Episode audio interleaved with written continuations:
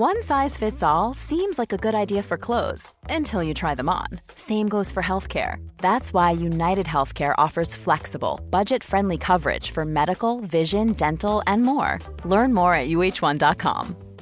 Ready to pop the question? The jewelers at Bluenile.com have got sparkle down to a science with beautiful lab grown diamonds worthy of your most brilliant moments. Their lab grown diamonds are independently graded and guaranteed identical to natural diamonds, and they're ready to ship to your door. Go to Bluenile.com and use promo code LISTEN to get $50 off your purchase of $500 or more. That's code LISTEN at Bluenile.com for $50 off. Bluenile.com code LISTEN. Hej och välkomna till Lille Lördag. Jag sitter här i en bil på Djurgården och barnen är på tennisskola och det har blåst så mycket här så att jag har tänkt så här, blåst fyller inget syfte. Blåst idioti. Till och med Frasse säger så här, jag hatar vind mamma.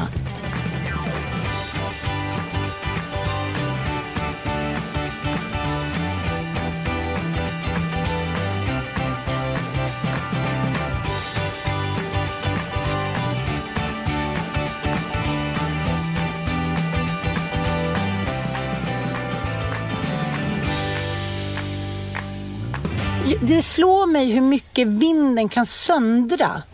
Dels låter det som att världskriget pågår utanför dels kan man inte göra någonting. Det spelar ingen roll om det är liksom 40 grader. Det finns ingenting som den här vinden eller blåsten på något sätt. Den är så obarmhärtig. Den är så onödig.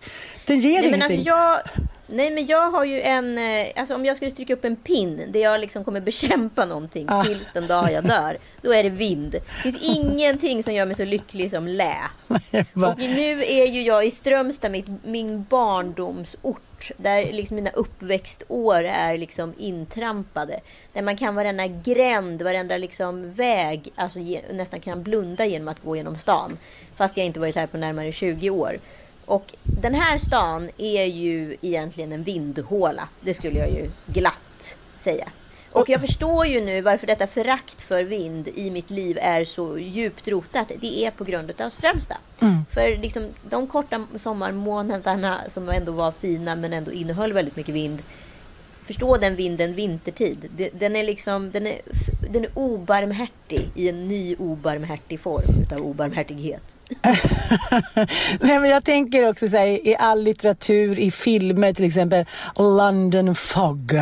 Att man pratar om att det finns liksom Ja. en viss vind, en isande vind. Det behöver inte vara kallt, det kan liksom vara nollgradigt. Som, ja, men som faktiskt går genom märg och ben. Och det är en gammal klyscha, men det är en sanning.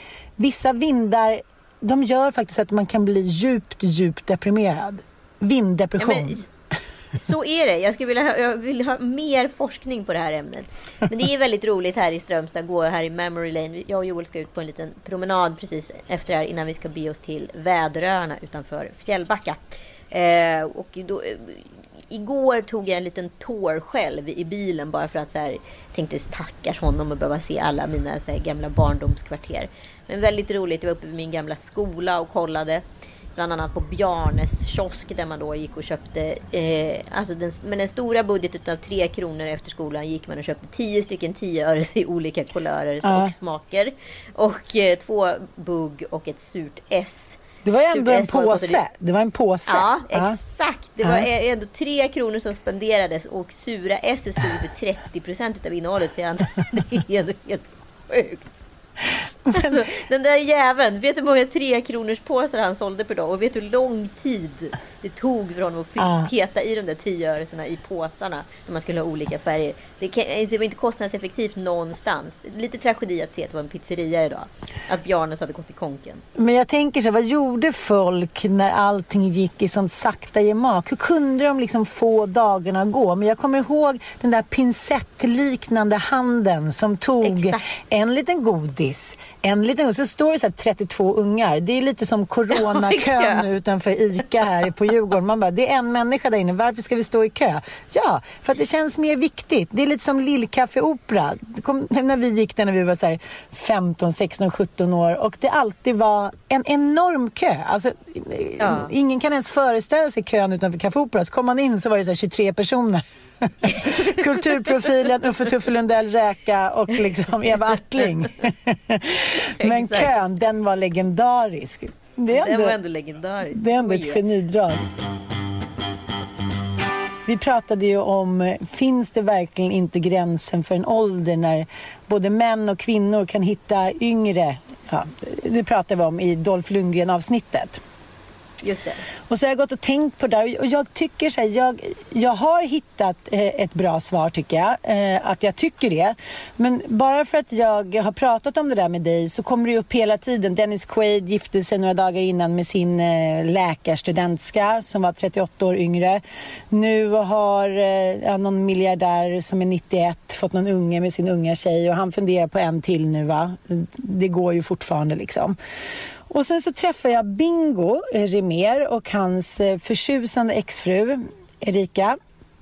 Mm. på båten över. Och du vet ju hur, hur Bingo är och alla runt omkring honom. Man är ju bara en del av, av, av, hans familj. Man har ju flyttat in på båten med honom inför fem minuter. Ja, det går ju fort. Ja, men han är ju otrolig liksom. Men, men då började vi prata om det där för han sa att ah, han inte hunnit lyssna på ditt Anita senaste avsnitt. Men han, han ville verkligen prata om det liksom. För att han har haft yngre tjejer och hans dotter då eh, kom in och sa att ja, men jag kallar ju pappa för eh, PB. Pedobingo. Ja, ja, men det ska man såklart inte skämta om.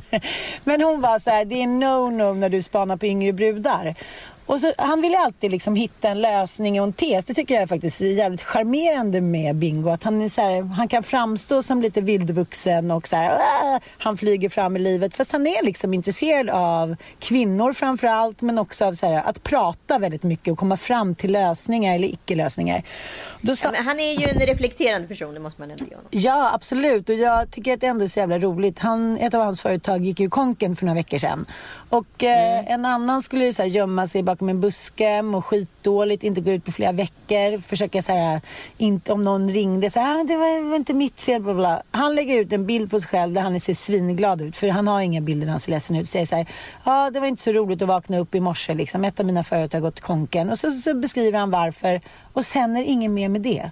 Tänk om fler människor kunde anamma den där stilen att man inte liksom ska ta på sig skam koftan och må dåligt och liksom offra sig själv resten av livet. Jag tycker det vore härligt om folk var lite mer som Bingo Rimerska. Ja, men det är ju lite som Björn Attiko Lindblads sommarprat. Om fler människor kunde tänka på att man inte vet vad som kommer. Kanske, kanske inte. Det är ju en av de stora teserna i hans sommarprat. Mm. Eh, då kanske det inte skulle vara så jävla jobbigt. Jag tänker på alla människor med liksom OCD och tvångstankar och mm framtids, eh, alltså dystopiska framtidsdrömmar och så vidare. Att man så här, om man inte liksom hela tiden tar livet på största allvar då kanske det inte blir så jävla jobbigt heller. Nej, men det är klart att man kan ha en livsfilosofi. Sen funkar ju inte det alltid. Jag menar, hur många är så liksom livsbejakande och stoiska som han var när han fick reda på att han eh, Ja, men han, hade, han har ju ALS och det gick ju väldigt snabbt från att han fick reda på det. Och den, är, alltså den sjukdomen har ju en dödlig utgång, alltså 100 procent. Men det som Bingo eh, då ville prata om, just det här med att eh, män har yngre tjejer. Så sa han ju så här, jag är ju inne på Tinder sa han, och eh, hela tiden och vill verkligen träffa en tjej. Och för mig är det inte viktigt vilken ålder hon är Jag älskar alla kvinnor. Men han sa att på Tinder till exempel så är ju kvinnor över 40 väldigt, väldigt osynliga. De som, ja. ja de som liksom, eh, ja, men likar honom, svarar, de är liksom mellan 25 och 35.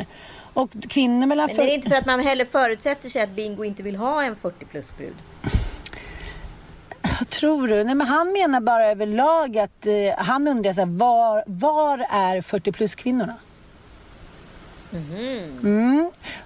Så jag så här, jag vet inte, jag hann aldrig med Tinder innan jag träffade Mattias. Det var precis där i, eh, ja, när skarven. Precis, så jag vet inte. Men, men enligt honom då så, går det inte, så är det svårt att få tag på eh, 40 plus kvinnorna. Eh, De, han säger de är inte på krogen så mycket och de finns inte på Tinder. Så han undrar lite så här, vad fan gör de? För de är, det finns ju en massa 40 plus kvinnor som är singlar också. De kanske bara Gud, ja. har tröttnat på karlar. jag vet inte. Nej men, de, nej men eh, min enda så här, eh, nu kan ju inte jag säga så här för jag har ingen data på det. Men liksom, det enda jag kan säga är ju att så här, 40 plus kvinnorna säger jag orkar inte Tinder. Och det Nej. är mycket mer skambelagt för 40 plus kvinnor att gå Mm. ut på Tinder. Och de som gör det, de går liksom in och så dejtar de lite någon snabbt och sen och då går de ut. Och så kan det ta ett halvår innan de går in igen. Så när, man, när de väl är där så är det väldigt mycket mer sporadiskt kanske än män som hänger där jämt. Mm.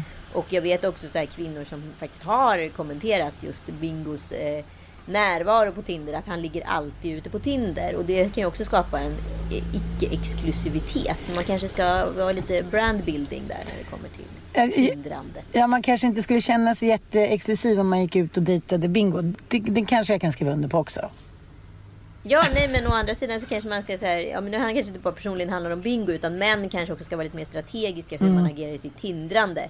Att ligger man där hela tiden, då tänk det första signalvärdet som skickas är ju att så här, det här är en som vill knulla liksom. Ja. Här är inte en som vill ha en relation, här är en som vill knulla. Och det är ju så spännande att Isabella Löwengrip har gått och blivit ihop med en Ah, 52-åring. herregud, tack för att du tog upp den. Jag fick puls älskling. Jag fick puls här nere på de blåsiga raukarna. Nej, men... Och jag var ju tvungen att gå in på Facebook direkt och kolla hur många gemensamma bekanta vi hade. Vi hade jättemånga och då hörde jag av mig till en eh, väninna och så berätta allt du vet. Och då sa hon att han hade dejtat då väldigt många unga tjejer. För Joel hade också nämligen många kompisar som han var kompis med. Unga tjejer i ungefär Isabellas ålder. Och det visade sig att han dejtat väldigt många unga tjejer i ung ålder. Och liksom inte riktigt få till det. Så nu får man ju verkligen hålla tummarna här att det funkar. Jag blev ändå chockerad av att konstatera att fyra dagar innan han han, vad heter det, det blev offentligt den här relationen mellan han och Isabella. Då hade han lagt upp 28 bilder på sitt Instagramkonto. Från att inte typ publicerat någonting sedan 2017. Ja, jag den var också det. stark tycker jag. Ja. Ja, den var stark. Men jag tyckte också att det var väldigt fint. Alltså jag blev väldigt upprymd. Jag tänkte så här, vad, säga vad man vill om den här kärleken. När man, de verkar ha blivit liksom förälskade i första ögonblicket. Men vad det kan väcka människor till liv. Eh, Jag säger samma sak om Linda Skugge som har ja, men, fört någon tynande tillvaro som skribent. Och, Vi ja, har men, redan pratat om den. Kan vi inte... Jo, ja, har det vi kan jag bara säga. Ägnat ett helt avsnitt om. ja, men jag kan Vi väl bara säga det. Ja, men det är samma sak som med Linda Skugge som vi konstaterar kan jag väl bara säga. ja, ja, absolut. Ja, men jag tycker ändå att det är väldigt fint att människor som har levt en ganska så här tynande tillvaro och tappat tron på kärleken inom loppet av typ 24 timmar kan lägga ut så här 47 bilder på Instagram och vara fyllda av kärlek och framtidshopp. Jag tycker att det finns något, något väldigt, väldigt vackert i det. Men det är också intressant för jag tänker på om nu denna eh, nykärlek är liksom som en liten form av så här eh, mikrogalenskap precis som en PMS eller en liten så här b- cell i verkligheten, whatever. För att eh, när man läser då vad Isabella uttrycker om den här killen så kanske man läser vad hon har uttryckt om Odd eller om den här, eh, den här bankerkillen då som, eh, som då blåste hennes massa pengar och allt vad det var och hej och. Eh, att hon använder exakt samma fraseringar i, i kärleksförklaringen runt dessa. Och det är inte bara Isabella utan jag har även sett det här bland andra människor som har varit nykära. Att när de blir nykära så uttrycker de sin nykärlek runt en person på exakt samma sätt som man gjort med sina ex, sitt ex och sitt ex och sitt ex. Mhm. Som Att att det de... kanske bara finns en... eh, Jag tänker så här, är det en känsla som rinner inom dem eller är det liksom en galenskap? Alltså förstår du vad jag menar? Om, när det gäller just Isabella så kan det ju vara verkligen both ways. Eh, men du vet ju den där känslan. Jag, jag tänkte på den för att vi, vi var på en strand där borta där, där vi var när vi var nykära, jag och Mattias. Och eh, det ligger liksom en strandad båt där, du vet, som bara legat där i hundra år typ. Och där bakom låg vi som, alltså, som kåta kaniner och det låg liksom en familj bredvid och vi kunde inte. Vi skulle krypa under den där båten och bakom den där båten och bara stoppa in den lite och hångla lite till. Att det, det, är liksom, det ostoppbart. Man, man är så stark mm. i sina känslor att man så här, om man inte får ta på den andra då blir man ju på riktigt olycklig. Och det ser jag här, det finns en 17-årig kille i min närhet här. Hans tjej har varit hemma nu i Stockholm i två veckor och jobbat. Och han, ja. han, han ska inte vara med. Han vill inte vara med på någonting på kvällarna. Han vill gå hem. Han, han kan, han kan inte fungera. Han måste ha det där som rinner genom hans kropp. Mm. Så att jag tänker det är vackert ändå. Ja, det finns det, vackert i det. Jo, det finns ändå hoppfullt när man är så lite irriterad på sin egen karlslog. Att så här, ja, skulle det inte funka så, så kanske man får vara med om det där igen. Men jag tycker också att de är misstänkt lika varandra, de här männen som hon träffar. Som den här sugar daddyn hon var ihop med miljardären. Det är inte helt olikt den här nya fridykaren. Det är det inte. Det är det inte. Vad menar du? Utseende. men, men det var intressant. Det var en, en kompis som han, för han var ju såhär, oj han ser väldigt ung ut för att vara 52. Och sen var det någon som hade då zoomat in på hans händer. Ja, åldern den försvinner ändå inte från händerna. Och så var det ju. Där var han 52 år i ansiktet. Kanske 28 plus. Mm. Ja, men han är väl, det ser man ju mer och mer också när man eh, på somrarna när man är i olika sommarorter. Mm. Nu är det ju inte tabu längre för män att spruta in. Nu är det mycket släta pannor och inga ajrynkor och hit och dit. Nu börjar det där jämnas ut. Gud ja, uppe i rutor känns det som att det är väldigt släta pannor håller jag på att säga. Ja, det var lite som när jag skrev, när jag skrev till Kar, jag, jag gjorde några inlägg sådär att Åh, Brad Pitt och Tom Hanks och de, de har ändå inte sprutat in så mycket. Hon bara, men de har gjort det på ett sätt där det ska se ut som de inte har gjort det. Men hon säger, det finns ingen, ingen, ingen i Hollywood som inte är superfixad. Alltså, det skulle vara så jävla kul. Tänk dig så att man en natt skulle bara få se hur alla de här människorna såg ut om de inte hade gjort något. Du vet, det, ja, men precis. det skulle bara vara så här, ja, men farmor och mormor som sitter här i Slite. Alltså, det skulle inte vara någon skillnad. Nej men alltså jag vet ju såhär, Leo DiCaprio gör ju, och han gör ju ganska bra. För han behåller ju sina kråksparkar för det ger ju honom karaktär. och man mm. inte kan röra ögonen och liksom uttrycka saker. Då kommer han ju inte få så mycket roller. Eh, men däremot kan han fixa pannan, han har fixat lite liksom längst ut med kinderna och så vidare. Men man behåller på de bra ställena. Samma gör ju Brad Pitt. Liksom, det mm. man ju. Kommer du ihåg förra året när du, jag, Tom Allan, Penny, Bobo och Frasse var på Parken Zoo i Eskilstuna? Undrar om det var barnen eller vi som hade roligast. Men jag älskar sådana där ställen för att det är en kombination av allt. Om man inte orkar åka hem på kvällen så kan man stanna kvar på campingen eller någon av de stugorna som är superfräscht och enkelt och ja, vad ska man säga, checka in på. Och sen finns det även massa pooler. Det finns områden, parkområden där de kan springa omkring och spela fotboll. Och sen finns det både tama och vilda djur. Och sen finns det också lilla parken zoo. Det tycker jag är mysigt. Ja, men det är supermysigt. Och eh, jag tycker också att det är så sjukt bra att det ligger ungefär en timme från Stockholm. Det ligger i Eskilstuna. Eh, så antingen gör man det som ett pitstop på vägen till något annat. Eller så gör man det som en dagsutflykt om man bor i Stockholm. Precis. Och jag tycker just de här, eh, om vi ska ta någonting som är positivt med Corona så tycker jag faktiskt att det är att man har börjat tänka mer på vad man kan göra nära sin närmiljö. Exakt. Just någon timme eller två och där är ju Parken Zoo helt idealiskt. Och även om det är väldigt varmt så gör inte det så mycket eftersom det finns en massa pooler. Så då kan man titta på en apa eller en jagar eller någonting och så kan man ta ett dopp och sen kan man titta på något annat djur och så kan man ta ett dopp. Så att det här är ja, dagens tips från Lillelördag kan vi säga. Exakt, och de är vår samarbetspartner den här veckan. Så om man bokar online på parkenso.se och skriver in Lille Lordag med stora bokstäver. Då får man 50 kronor rabatt per barnbiljett när du köper biljetter. Precis, och sen så finns det ju alltid diskussioner då varför djurparker finns idag. Det finns ju en del som ifrågasätter det. Och eh, det svaret som man får om man ställer den frågan det är ju att djurparkers huvudsyfte idag är utbildning och forskning. Och det är just det som eh, Parken Zoo gör. För de bedriver ju sådana här bevarandeprojekt på utrotningshotade djur. Och det gör de då genom avel och forskning. Och då ser man till att eh, genom utbildning bevara de här djurarterna och de här livsmiljöerna. Så att, eh, ja. Ja, och drömmen är väl att alla djur ska kunna återplaceras ute i det vilda. Tack Parken Zoo! Men, men, Strömstad. Apropå, apropå Strömstad. Ja, ja, men det är ju verkligen memory day här. Ja. Varenda kullersten har ju liksom ett minne. Och det, det är väldigt kul för mig att gå in i det. För jag, jag har liksom känt mig lite så här historielös sista tiden. Ja, Sommarstugan, ja men du vet. Ja. Jag, så här, jag känner mig, inte riktigt känt mig rotad. Och Örebro, det var ändå så det var en sån kort tid i ens liv. Det var bara så här 17 till 19 och ett halvt och sen så stack jag till Stockholm. Så där finns det egentligen nästan inte så många anekdoter. Det finns några, så här, ja, men några bra fyllor och roliga liksom, fester. Men inte så mycket mer än typ en studiestad. Alltså som man skulle pluggat på universitet någonstans. Mm, mm. Men här är ju liksom hela hennes eh, barndom. Alltså från... Jag, var, jag skulle fylla 11 när vi flyttade hit. Kom från eh, Kullavik utanför Göteborg. Jag hade bott där i ett år innan. Eh, och bodde här till jag skulle bli, ja, börja tvåan på gymnasiet. Liksom. Det var ändå lång tid. Men gud, liv, bodde liksom. du där så länge? Ja, I lilla visst, Strömstad? Hela, I lilla. Strömstad, så hela barndomen är ju härifrån. Liksom. Mm, Första året på gymnasiet i Uddevalla, allt det där.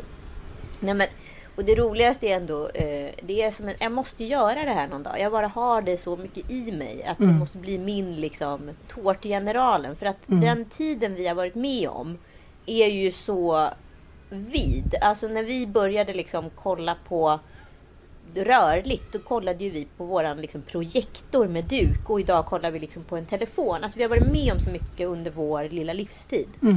Det har hänt så mycket.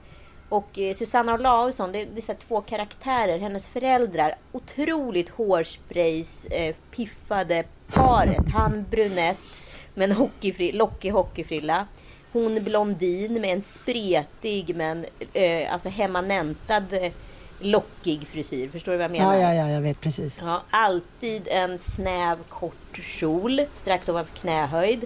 Han alltid vit skjorta uppknäppt, stor guldkedja på bröstet, hårig bringa. Högt skurna byxor liksom. Det är inte många som rör hem den där guldkedjan med, med nerknäppt skjorta längre. Det var ju liksom... Ja, men det hörde ju till vanligheten att snubbar gick omkring med, med skjortan ner till naveln. Typ. Det, det var lite, Ja, det var lite inga vardag. konstigheter. Det var lite vardag. Exakt. Ja. De, de hade också ett otroligt stylat hem. Ni förstår, alltså det här är ju alltså 1988. Det kan inte liksom, du förstår att så här, finansboomen kom ju liksom 1986. Tänk dig Wall Street. Mm. Liksom 84 till 89 är ju den gräsligaste stileran Ja. i världshistorien. Och Förutom på hade- Madonna. Hon, hon var den Ja, enda som rodde de hem hade den. anammat allt i Mm. den. Liksom. Nouveau Riche Eh, började väl där också. Nouveau Riche. Och det, det här paret de var också väldigt hälsomedvetna. Aha. Enligt dem. Enligt 80-talets normer. Ja. De drack inte bryggkaffe, för det fick man cancer av. De Ja. åt inte äggula, för det fick man också cancer av. Men däremot, det enda jag och Susanna gjorde till de här föräldrarna, det var att gå och köpa två askar vita prins utan filter varje dag. Utan filter? Hemma.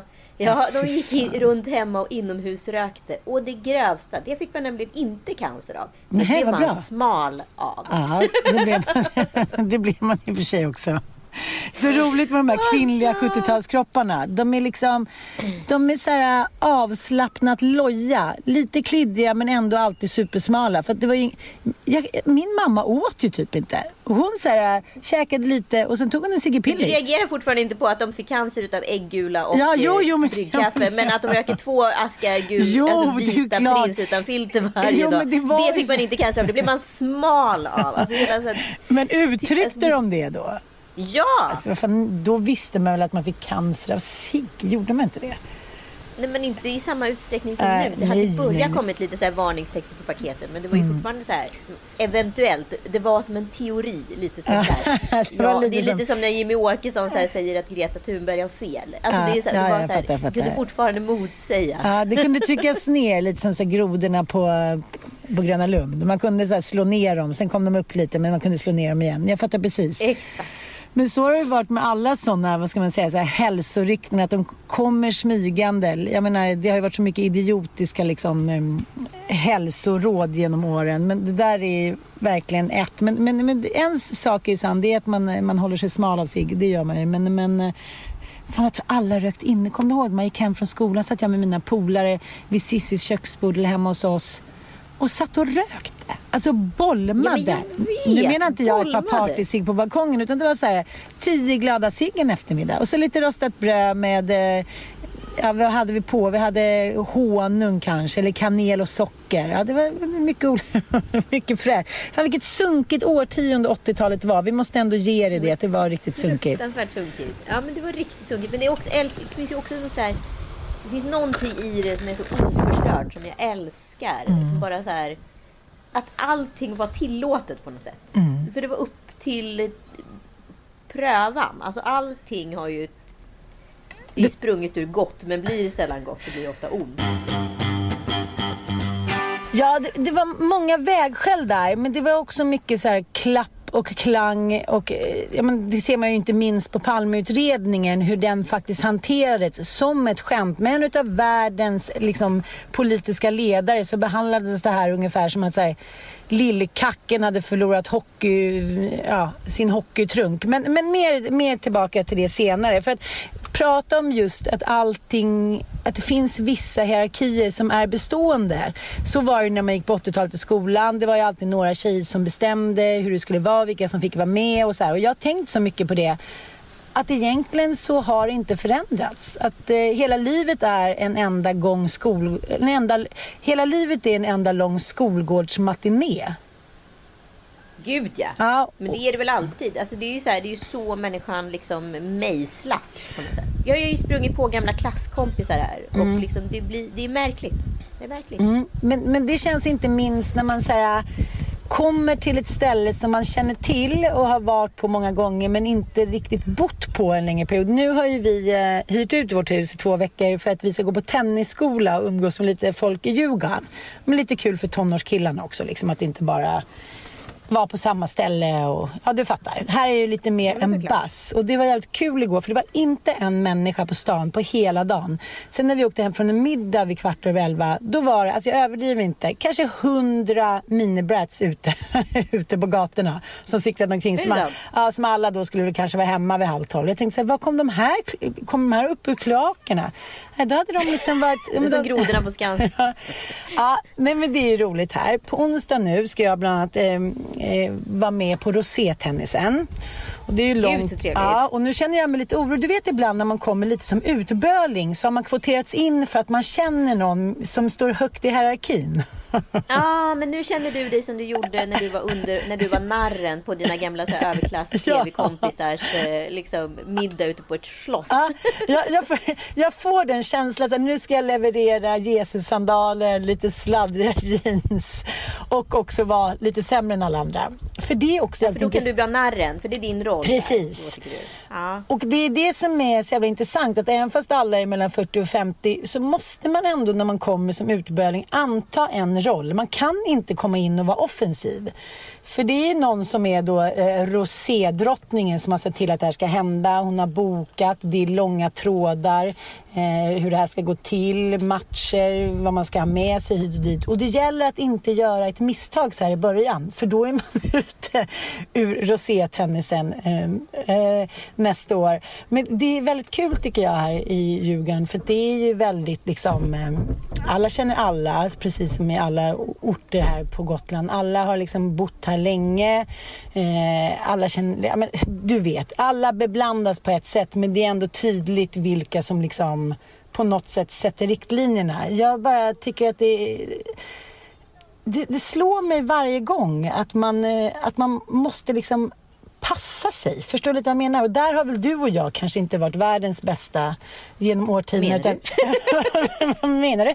Nej, men vi klampar in hit och dit och nu eh, så ska jag så här, anta en annan approach. Förstår du vad jag menar? Jag ska vara en low key hovnarr som liksom... Nej, men det här ska ju, måste ju återkommas till. Det hör ju jag direkt. Jag vet, jag vet, jag vet. To be continued tycker jag är väldigt spännande. Ja, men precis. Men det är ju lite, alltså, att, att, att vara, stå utanför och titta in i hierarkin. Det är ju ja. lite som att veta att så här, PMSen kommer. Ja. Eh, och sen så när du klivit in där, då är du liksom med och spelar spelet. Som mm. att du så här, inte gjort något annat i hela ditt liv. Mm. Eh, och inte förstår att du så här, är i galenskapen eller vad jag ska kalla det för. Jag fick ju ett PMS-utbrott på Joel här igår som heter Duga. Ja. Och han har ju börjat imitera mina PMS-utbrott, hur det låter nu. Aha. Och jag, och jag fattar ju alltså då inte själv att jag har PMS. Han har ju förstått det för länge sedan. Nej, nej, det gör vi aldrig. Vi är inte ju... smarta på det sättet. Vi är ju inte PMS-smarta. Nej, men det är ju patetiskt. Nej, nej, ja. Sen kollar jag på min flow-kalender och ser att ja, men 11 dagar kvar till mens. Jajamän, såklart. Och sen så kommer ju då också magverken på kvällen för då har jag ju ägglossning. Herregud. Och då, alltså min PMS kommer alltså vid ägglossning. Det kommer alltså inte innan. Jag tänkte precis säga, nu har väl räknat väldigt mycket fel. Men du kör ja. en egen sorts. Nej, Nej men alltså jag, har, jag blir galen vid ägglossning. Alltså jag mm. hatar honom så mycket så att du förstår inte. Så igår, så var, och han har också, han har också ett, en förmåga som jag då glatt skrek. You can turn champagne into shit anytime you want. Och, eh, Men vänta nu, vänta nu, vänta alltså nu. Nu han- stannar vi där. Nu går du inte i myggfart vidare. Du skrek alltså detta... Du skrek alltså detta på engelska? Ja. I Strömstad. Nej men nu är det så roligt. Ni måste skicka dit ett litet filmteam. Nu är liksom... Nu är det Svenska hjärtan den där gamla eh, serien och lacka Nu länge är. Nej, men han kan ju gnälla om precis Mm. allt. Alltså hans superhjältekraft är att han kan vad som helst kan han göra, till, smula sönder till, till grus. Ja. Och jag, du vet, så här, och jag kan känna att jag så här, ändå så här, kämpar på ganska mycket ibland. Mm. Och så här, försöka hålla en god ton och så vidare. Men ja, efter liksom x antal gnäll, missnöjen, vad det nu är. Det är mycket med han och hans mående. Och då har han liksom fritt spelrum att så här, uttrycka sig på vilket sätt som helst. Jag kan ju tycka att så här, även om man mår dåligt kan man ju så här, uttryckligen inte behöva förpesta liksom, vädret för alla andra. Förstår du vad jag menar? Nej, men det är ju, en- eh, det, vi har ju, men det är lite orättvist också för män har ju det, de sopar ju och gräver lite hela tiden men vi har ju våra PMS och ägglossningsstunder och då ger ju vi igen med besked så jag kan ändå tycka Ja, att då så här- ger vi igen med besked. Precis. Ja, gnäll på lite då. Jag har börjat känna så här, ja men gnäll på lite där i periferin. Det är, så här, det är lite som en hu- hundvalp som skuttar omkring. Alltså, Väntar du bara till jag får PMS, då jävlar. Då ska du få. Ja men då är det döden. Då är de ju inget värda. Då är de ju dödens hantlangare. Då är de, de bara sa- mörkrets härskare. Joel sa också efter idag, efter utbrottet, han bara Fan jag har liksom ingenting att skylla på sådär som du har med PMS. Så jag bara, Mm. vad menar du? Du har ju för fan en mat och sovklocka liksom. Som är ständigt pågående. Nu har jag inte ätit, nu är jag på dåligt humör därför att. Nu har jag inte sovit, nu är jag på dåligt humör därför att. Ja, så igår så tvärnitades det Ja. på väg in till staden och då sa jag så här. Vad var det jag sa Joel? Jag skulle hoppa ut och gå till hotellet. Ja, nu hoppar du ur bilen! Du får gå till hotellet! Orkar inte med dig. Ut! Sa du det till honom eller han till dig? Ja. Nej, jag sa det till honom. Ja, jo. Ut! sa jag. Ja. Och han bara satt tyst och så bara, nej. Och så åkte vi vidare. Jag får bara upp bilder på så här Selma och lilla Fridolf. Han sitter... Nej. Selma så kommer med här kavel och slår huvudet så här. Nu går du ut. Nej, nej, nej. Nej, nej. Men hur blev ni vänner sen då? Nej, jag var tvungen att släppa av honom på hotellet och köra en egen liten så här eh, debriefing-tour med mig själv. Eh, och bara så här andas. Och Ja. sen så gick det bra. Kom jag tillbaka till hotellet var det som ingenting hade. Men det är det där som är så himla läskigt att allt är över och sen så, sen är så, alltså allt är över på riktigt, relationen, livet, eh, karriären, allting och sen så är plötsligt så går det några timmar så är man Sveriges gladaste lax. Och den Ja, liksom, och bryggan över, den har vi aldrig gått på utan helt plötsligt så är man bara i havet och simmar omkring som en liten glad Ja, lax. exakt. exakt. Det var från, från stranden till, eh, till havet på två röda. Men jag tänker att så här, om man nu ska ta upp spaningar så är det väldigt roligt att vi kvinnor har ju väldigt mycket spaningar, vad ska man säga, inom socknes. Var vi än är så vet vi vem som är liksom matronan, vilka som har, har den rollen Vi har redan dit. satt hierarkin. Precis, vi kan läsa av ett sammanhang på precis. två sekunder. Men män däremot, när du berättade om, om Joels lilla utryckning här, de har ju en blick utåt och den kan ju de bli besatta av på ett helt annat sätt. Precis. Mm. Alltså jag tänker så här, grejen med en cykel är ju ändå att den avbryts Precis. Utav något annat. Men det män har, det är ju att de inte har någon cykel som avbryts. De bara, de är ju, de, det finns ju en anledning varför de är världsmästare på 100 meter och väldigt mycket snabbare än kvinnor. För kvinnor är mycket bättre femkampare per definition. Vi, kan, vi har massa cykler som bryts. Och detta blev jag vittne till häromdagen när det var en så kallad utryckning. Det vill säga att vi kommer ut, vi ska gå och handla mat nere på vår lokala eh, Hemköp. Och helt plötsligt står det en polishelikopter i luften. Och det är någonting inom Joel som tar ungefär 300 delar innan han så här, har bytt karaktär. Från liksom Joel Åhlén Nyström till privatspanare Joel Åhlén Nyström. Han bara, ja du vet den där helikoptern, den står still på samma ställe. Det betyder att de spanar på någon specifik person. Nu går vi dit och tittar. Jag bara, så, här, varför då? Ja, han har Varför puls då? nu, han har puls nu. Nu rinner det Han har till. puls Ja. nu. Det, är liksom, det var som att jaktmannen, alltså mannen Ja. i stengrottan på steppen i bergen helt vid ringde. elden. Den larmade Ring. ute på steppen. Ja. Au! Så sprang han dit som den varg han var. Ja, så mycket riktigt var det några pundare som hade bråkat i Tessinparken och så var polisen där och brottade ner. Vem är det som står ungefär två meter från polisbilen och tittar på detta förnedrande drama som pågår? Jo då, min eh, sambo. Jag skäms och då tar jag upp ka- kameran och filmar lite. Då skäms han över mig. Eh, Förstå? Du körde en filmspaning som du, du bara, Ja, jag kanske jag kan sälja till Aftonbladet. Exakt. Kommer jag att tänka på liksom, min barndom. Där vi, det, här känner du, det här är också 80-tal.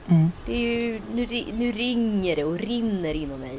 Att min pappa hade ju en polisradio installerad Jaha. i bilen. Och den var ju då kopplad till en radio då i köket. Så när ambulans, brandkår eller polis skulle rycka ut, ja då ryckte jag och pappa också ut. Ut i bilen och jagade rätt på branden, inbrottet, whatever it was. Och där satt han och pratade med sig själv och förde någon form av radiorapport på vad som hade hänt parallellt med polisradion. Och jag glatt med, som en medlöperska, lyssnade på detta. Första plats i meningslösa liv. Eh, Meningslösa liv. Välkommen. Nej men det här var ju också väldigt vanligt. Men det var ju också den, sto den stora genren på tv kom med så här Remington Steel. Eh, alltså privatspanare. Det var ju mycket privatspanare då. så Amerikanska otrogna hemmafruar dit och bla bla. Det blev ju en hel genre som exploderade på 80-talet. Och det är klart att det på något sätt var tvungen att avspegla sig i övriga samhället. Men alla de här gubbarna som har och fortfarande har här, eh, polisradios. Vad, vad, fick, vad, vad, vad köpte han din, den där polisradion? Var det på en, liksom, nätet fanns ju inte. Åkte han till någon skum källare till Björnbusarna? Ja, det är klart att det var. Det är klart att det var. Eller så såldes det typ på Blocket-ish, fast på 80-talet. Ja, men, Men alltså det här är ju ändå intressant om man nu ser utifrån, precis som man kollar på dina små gummor i, i Ju- Ljungarn som vad heter det, står och spelar tennis. Om man tittar på det utifrån och in så inser man hur mycket mer om kvinnor då är bra på att eh, vara den här femkamparen då som också så klarar av att så sätta sig i någon form av hierarkisk eh, dagsordning och så vidare. Så, men de snöar ju in. Precis som så här, privatspanaren for in i Joel på 300 delar. Så tänkte jag, jag kollade om på Zodiac häromdagen. Ni vet den här mördaren som gick lös eh, på 70 och början av 80-talet och mördade, var det 50-60 pers? Eh, och som de aldrig satte dit. nej. Robert Graysmith var ju liksom en tecknare eller illustratör på den lokala tidningen och liksom blev helt besatt utav det här. Det är han som har skrivit boken om Zodiac som valde då att öppna alla polisens cold cases och eh, lägga ihop spår. Så de, de har ju fått namnet på den här personen som heter Lee. Men de har ju inte fått det bekräftat och det har ju inte varit någon DNA-match på honom. Men alla spår leder på något konstigt sätt till honom. Sammanträffanden kanske man kan kalla det för. Eh, han, han gick ju helt in i det här. Det slutade med att hans fru och barn lämnade honom efter när han hade liksom snöat in alldeles för hårt 20 år tidigare. Och som frun sa i slutet utav deras relation när hon hittar honom på golvet sittandes med ark och dokument och typ inte ätit på fyra dygn. Hon bara, det var liksom, vi två var egentligen bara en dejt som aldrig tog slut. Det var, det var ändå någon form av sorg i det. Ja, jag fattar. Men det här är ju, Ja. det har ju upprepats genom historien. Folk som blir besatta av att lösa saker. Och jag, jag tycker inte Ja, att... men man får ju ändå tacka männen för att de ändå är så nördiga på det här. För liksom Una-bombaren, det hade ju aldrig liksom Nej. lösts på det sättet. Ifall inte den här James R. Fitzgerald som jobbade då som agent inom FBI. Också lämnad utav fru och barn i slutändan på grund av sin mani över denna andra man. Man undrar ju så här, varför blir de aldrig så besatta? Eller när de blir så besatta av en tjej, då dödar de. Ja men för att vi är på riktigt, vi ställer krav och vi är av kött och blod och vi vill ha vardag. Men det där kan man ju själv ibland, jag menar jag skriver böcker till exempel, då kan man ju komma in i det där. Det var, Ulf Lundell sa någon bra sak någon gång, så här, det går ju inte att leva tillsammans med en författare för vi lever ju i en annan värld. Att det är liksom vardagen och barn och män, när man får bara snöa in på någonting, hur ofta får man det i det här uppkopplade Men samhället? Därför, är det därför kvinnor inte blir lika insnöande? För vi kan vi inte. Vi kan inte. Nej. Det är helt omöjligt att snöa in. Man, jag kan ju snöa in och bli manisk i, i cykler. Ja. Alltså, men när, när menscykeln väl är bruten då, då, då är också manin sy- bruten. Jag, liksom. jag kommer ihåg när jag skulle här, cykla ett cancerlopp, eller ja, för, för barn med cancer och hade aldrig suttit på en cykel. Fick någon sponscykel, cyklade nio och en halv mil utan stjärtamentsskydd. Kom hem, skulle på någon middag med Navid Modiri som jag var lite förtjust i då och cyklade ner till Kungsholmen. För att då, redan där, på nio och en halv mil, hade min mani av att cykla satts igång. Och jag känner igen det där. Jag åkte ju inlines två och en halv mil per dag under något år. Jag kunde liksom inte, jag satt på krogen i typ full, eh, hade eh, ramlat ner i en garderob med, var det någon som bara såg två inlines sticka ut? Ja, det är Ann som är här nu. Alltså jag, jag kan förstå det där insnöandets charm. Men eftersom vi har då, får sen förmodligen man och barn, så blir det samma cykel. Vi måste ta oss ur dem. Annars så blir vi kokobello. Då får vi göra som de gjorde på tidigt 1900-tal, de här konstnärinnorna och eh, artefartekvinnorna. Ja, men checkade in på Beckomberga för att de skulle få vara i fred och skapa och få vara sig själva. Det finns liksom inte det utrymmet i samhället utan vi måste ur vår cykel. Förmodligen är det därför vi har de här jävla menscyklerna. Jag tänker också, som sommaren är ju en enda lång eh, prövning i att vara social på olika middagar och fotbollsplaner och hit och dit. Och om män inte känner för det, då är de sura. Och där står kvinnor och kompenserar. Ingen fan, han får lite dåligt humör. Vi, är ju en, vi lever ett kompensationsliv och det, då hinner man ju inte med att snöa in på saker mer än ungefär en månad. Liksom. Nej men exakt. Och det är det här som jag blir så fascinerad av. Jag skrek också i min, upp, i min upprinnelse där till Joel under PMS. Det känns som jag går på krossat glas med ditt jävla humör. Ah. Ja, vilket är ett, vilket i grunden säger att det är en frånvaro av humör. Och när han väl uttrycker någonting så gör han det kanske inte alltid för charmigt. Men, men det, det är så här, man hela tiden anpassar sig och liksom Mm. försöker hela tiden släta över. Så jag tänker att manin inte kan ta fäste på samma sätt som det kan göra hos en man. En eh, kollega till mig började utav, började utav eh, en slump cykla. Han hamnade med någon så här gäng som cyklade. Han hade tidigare sprungit och tränat massa tennis och allt möjligt vad han gjort. Och så började han cykla och nu cyklar han 30 mil i veckan bara för det. Och nu på sin semester ska han cykla 100 mil. Ja men du vet, det, det skulle aldrig falla mig in. Nej, men det är den maniska delen av hjärnan som har liksom kopplats på. Den känner ju både du och jag igen. Men jag pratade med Sanna Jo, igår. nu ska Micke på Den någon... avbryts ju utav något jävla Ja, trollslag. men det måste ju det vara för De har cykeln. ingen cykel som... Ja, Nej. exakt. Det är en enda jävla lång PMS de går omkring med. Exakt! Tack! Ja, du tack. lägger orden i min mun. Tack. Jag tänker att så här, Palmemordet hade ju aldrig löst utan Thomas Petterssons mani. Eller Mm. den här eh, liksom, killen som var ute och testade sin nya kamera och råkade fota av både Engla och Anders... Vad heter han? Joel, Va? vad heter Änglamördare? Ja. Lyckades fota av både Engla och Anders Eklund i en och samma liksom, frame i princip. Det var ju bara för att han var manisk. Men vi måste tillbaka lite till Thomas Pettersson Ja. och Palmemordet. Nu ska vi lyssna på Carl Stanleys stand-up på ämnet, vilket är väldigt underhållande. Kan vi lyssna på den? Mm. Och det är så skönt för detta är ännu ett bevis på att killar bara kan ha en sak i huvudet samtidigt. För vi är fortfarande intresserade av Palmemordet. Jag tycker det är så roligt. Tjejerna går igenom 11 mord i veckan. Bam, bam, bam. Det här är bla, bla, bla, bla. Han friterar ett helt dagis. Pff, nästa mord, nästa mord, nästa mord. Killarna bara åker till Sveavägen i Stockholm och ställer sig där. Okej, så han gick ut här.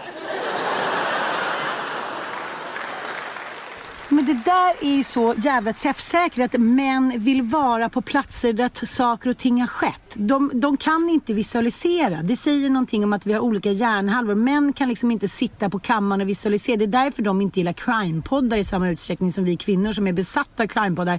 För vi kan sitta på kammaren, vi kan måla naglarna, vi kan ta hand om barnen, vi kan lyssna samtidigt och visualisera vad som har hänt. De måste vara på den fysiska platsen för att kunna föreställa sig hur det var. Exakt så. Ja, det är spännande. Ja men alltså, Thomas Pettersson var, ju liksom, han var ju, snöade ju in på det här och har varit en av de som har hållit på och ringt Palmeutredningen 2000 gånger. De var ju ganska trötta på honom. Men så till sist så fick han rätt. För att han var en manisk jävla privatspanare. Precis som en, en, min sambo som då står och har en killgissningsteori om varför liksom, he- polishelikoptern står still. Alltså, det, det, det, man blir glad och ledsen i detta. Jag, jo, jag, nej, jag blir också, nej, jag blir bara ledsen. För att det, är så här, det betyder att om männen fick bestämma skulle det vara så här, tre och en halv miljard ornitologer som stod vid en sjö. med en liten bärs i bak, liksom i en liten, ja, en liten väska de hade med sig. Och så skulle de kunna stå där timme efter timme och kolla efter någon jävla fågel. Det är faktiskt det enda de vill. Jag, jag, jag tänkte, det är bara en fejk. Det är några få män, typ Elon Musk och några till, som har det där galna i sig, som orkar. De andra, de är Skalmans som spelar Bamse. Vadå, Elon Musk är väl också, Musk är väl också en liksom manisk man? Jo, nej men han har ändå lyckats. Ornitologerna. Men vadå, Ja. men vadå, det har väl Thomas Pettersson också gjort egentligen? Jo, men jag menar, men jag menar, men jag menar alla, alla vardagsspanare. Ja, ja, ja. Det leder ja, ju inte alla framåt. vardagsspanare så, nej. Vi får i Det alla fall, vi uppfostrar barn. Vi, vi på något sätt utvecklar världen och skapar en bättre värld. Vad gör de? Tittar på saker och undrar hur det har gått till. Det som har skett. Funderar och funderar och funderar. Jag tänker så här, om kvinnor nu hade så här, samma mani som män har och, Ja. vi, och vi nu kan komma med ett snett perspektiv och bara säga ah, det där hänger ihop med det där eftersom vi är så bra på att se sociala mönster och koder. Så kanske vi skulle kunna lösa mer brott tillsammans. Ja, men, Alltså anledningen varför en, så här, en, en klassisk skolad liksom, detective eller vad det nu heter på kriminolog eller eh, vad heter, jag vet inte ens vad, vad titlarna heter på svenska eftersom man bara ser massa amerikansk crime hela tiden. Ehm, alltså grundläggande är ju för att den var duktig på fri, alltså ar, arkivering och skriva rapporter. Alltså, så det gör ju en god kriminalare, förstår du? Tjejer är ju inte lika bra på det. Det är lite lätt autistisk syssla sådär. Men det betyder ju i grunden inte kanske att de är svinbra på att lösa brott. Eller fanns det liksom både och? Nej, men jag tänker på det att så här, vi För annars ska... hade det inte varit en kling och klang-utredning Nej, jag fattar. Men du och jag skulle ju kunna vara lysande på att lösa ett brott. Men vi skulle vara tvungna att lösa brottet på en månad. För sen skulle vi trötta när nästa cykel kommer. Men sen skulle vi vara så trötta så vi skulle liksom få det vidare till nästa brott. Men jag kollade på en dokumentär nu om East Area Rapist på HBO. Där det är en, en kvinnlig liksom, alltså hon är duktig journalist från början men har liksom valt att snöa in på att lösa brott online. Genom att det finns så mycket mycket vad heter det, material i det digitala. Så att så här, hon då har gått in i East Area Rapist och liksom varit så här. Hon har ju löst 25 brott under tiden. Hon har inte bara snöat in på ett brott. Det här är ett utav 25 brott hon har snöat in på. Förstår du? Jaha. Det är skillnaden på henne Ja. och en manlig. Eh, Ja, i hennes, i, i samma, på samma sätt. För att hon, hon gör ju lite som så här eh, Don't mess with cat killers. Liksom, teamet som Ja. liksom gått in i flera brott. Men lä- läst och tagit ut data. Hon är jävligt duktig på att analysera data helt enkelt. Och det, Mm. jag, alltså jag är så sjukt fascinerad av det här. Ni måste kolla på den på HBO. Om ni inte har gjort det. Men jag tänker att, att det bara översätter så som vi alltid har levt. Kvinnor kan göra 20 saker samtidigt för att vi måste. Men män har alltid bara behövt göra en sak. Knulla, arbeta, äta i den ordningen och gå ut i krig. Deras hjärnor är liksom inte... De har inte anpassats efter eh, den spelande tusenmannafingrarna som gör liksom saker hela tiden. Och det- är väl ingenting att, att så här sticka under stol med. Det är ju bara att ställa sig i vilket svenskt hem som helst. Men jag tänker till exempel som Therese Lindgren som eh, ja, Youtubern eh, som har över en miljon följare. Som också har det där maniska fast hon, eh, fast det, kopplat till psykisk ohälsa att hon då började, för att hon var instängd för hon var så rädd för omvärlden eh, och hade sina panikattacker. Så att hon då började göra sminkvideor på ett maniskt sätt. Jag tänker om man ska översätta så tror jag egentligen inte att det är så stor skillnad bara att vi kanske gör som du säger, vi, vi blir maniska på mindre saker. Vi, vi orkar inte sitta och skriva i små lister och höra utan vi, vi, liksom, vi vill att det ska gå mer organiskt. För att hon är ju så här, hon är ju medlem i Mensa, hon är en jävligt smart tjej och begåvad. Men, men det kanske är lite samma sak, förstår du vad jag menar? Ja men absolut, Mm. det tror jag verkligen. Men jag tänker också på, jag lyssnar, vi lyssnar på våra eh, spellistor nu. Eh, här, vi hade en liten bilspellista liksom. Och då insåg jag hur många män det var jag valt i min spellista. Alltså min musiksmak cementerades ju ungefär för 20 år sedan och så har ytterst få förändringar skett längs resans gång. Men liksom att jag insåg så här, men alltså, gud vad mycket män jag lyssnar på. Samtidigt så tänker jag så här, det kanske också bara var män som fick chansen på det här sättet. Eller var det för att män snöade in? Och klarade av att liksom, eh, behärska 35 instrument och skriva. Alltså för att Ja, tiden fanns Där-. Ja, jag fattar. För att det var någon annan som tog hand om barnen och hushållet och betalade Mm. räkningarna och så vidare. Liksom. Gud, jag känner så här, to be continued. Nästa avsnitt vore skitspännande att ha en forskare kring det här. Verkligen, det kanske vore något. Ja, för att vi, vi säger lite olika, märker det. Vi kommer fram till en tes och tänker så här, fast å andra sidan så kan ju män då spela 37 instrument. Det är väldigt få jag tror att vi får reda ut det här mer, men det, men det är väldigt, väldigt spännande ändå. Men jag tycker allting handlar om, i, i syvende och sist handlar allting om psyken och tidsaspekten. Mm. Mm. Att det så här, det, för oss måste ett mönster brytas när nästa mens kommer. Precis. För en man så finns det ingenting som stoppar en cykel. En cykel kan pågå i en Mm. månad eller 35 år. Det är som min kompis pappa Myrika som samlar på ölburkar. Den cykeln har heller aldrig stoppats hela hemmet till liksom en ölburk. Men jag kan Vilken älska kvinna skulle samla på ölburkar? Ja, men jag kan finns älska inte. det där. Ja, men jag kan älska att så här, människan, det handlar väl om att vi alltid har gått omkring och samlat på grejer i tusentals år och helt plötsligt så ska vi leva i moderna världar och inte ha någonting. eh. Andres Lokko skrev en skitbra krönika. Han bara, jag hade 225 kvadratmeter lägenhet, sen flyttade jag till 40. Jag tog med mig typ Typ datorn, en säng, en soffa och lite, mer behöver jag ju inte eftersom jag är så uppkopplad hela tiden. Vi behöver ju liksom rent teknologiskt inte lika mycket som vi alltid har behövt. Det ser man när man går in på gamla museum här på Gotland. Det är pryttlar överallt. Och jag tror att Ja, men människa... också så här, ja, det är ju liksom, det är precis som med religionen. Vi behöll äktenskapet, men vi sket i religionen och då blir det också någon form av Mm. Svårt. Det bara skaver liksom överallt.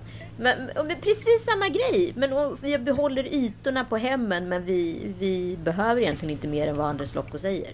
Nej, fast vår, vårt inre, vår, vår inre samlare som har gått runt i tusentals år i skogar och marker och på steppen. Vi har fortfarande ett behov av det. Så att vi måste fortsätta. Vi får helt enkelt acceptera att, att det finns 3,5 miljarder ornitologer i världen. Och vi måste så här, vara snälla mot dem. Tack för att ni har lyssnat. Vi hörs om en vecka. Puss och kram. Puss och kram. Ha det så härligt.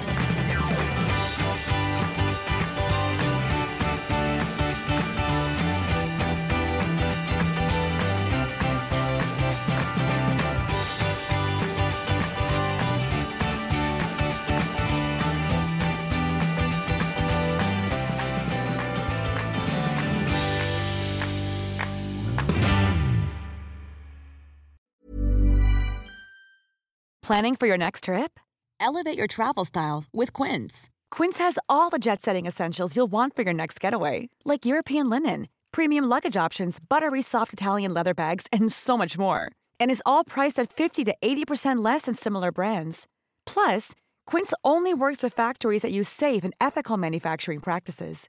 Pack your bags with high-quality essentials you'll be wearing for vacations to come with Quince. Go to quince.com slash pack for free shipping and 365-day returns.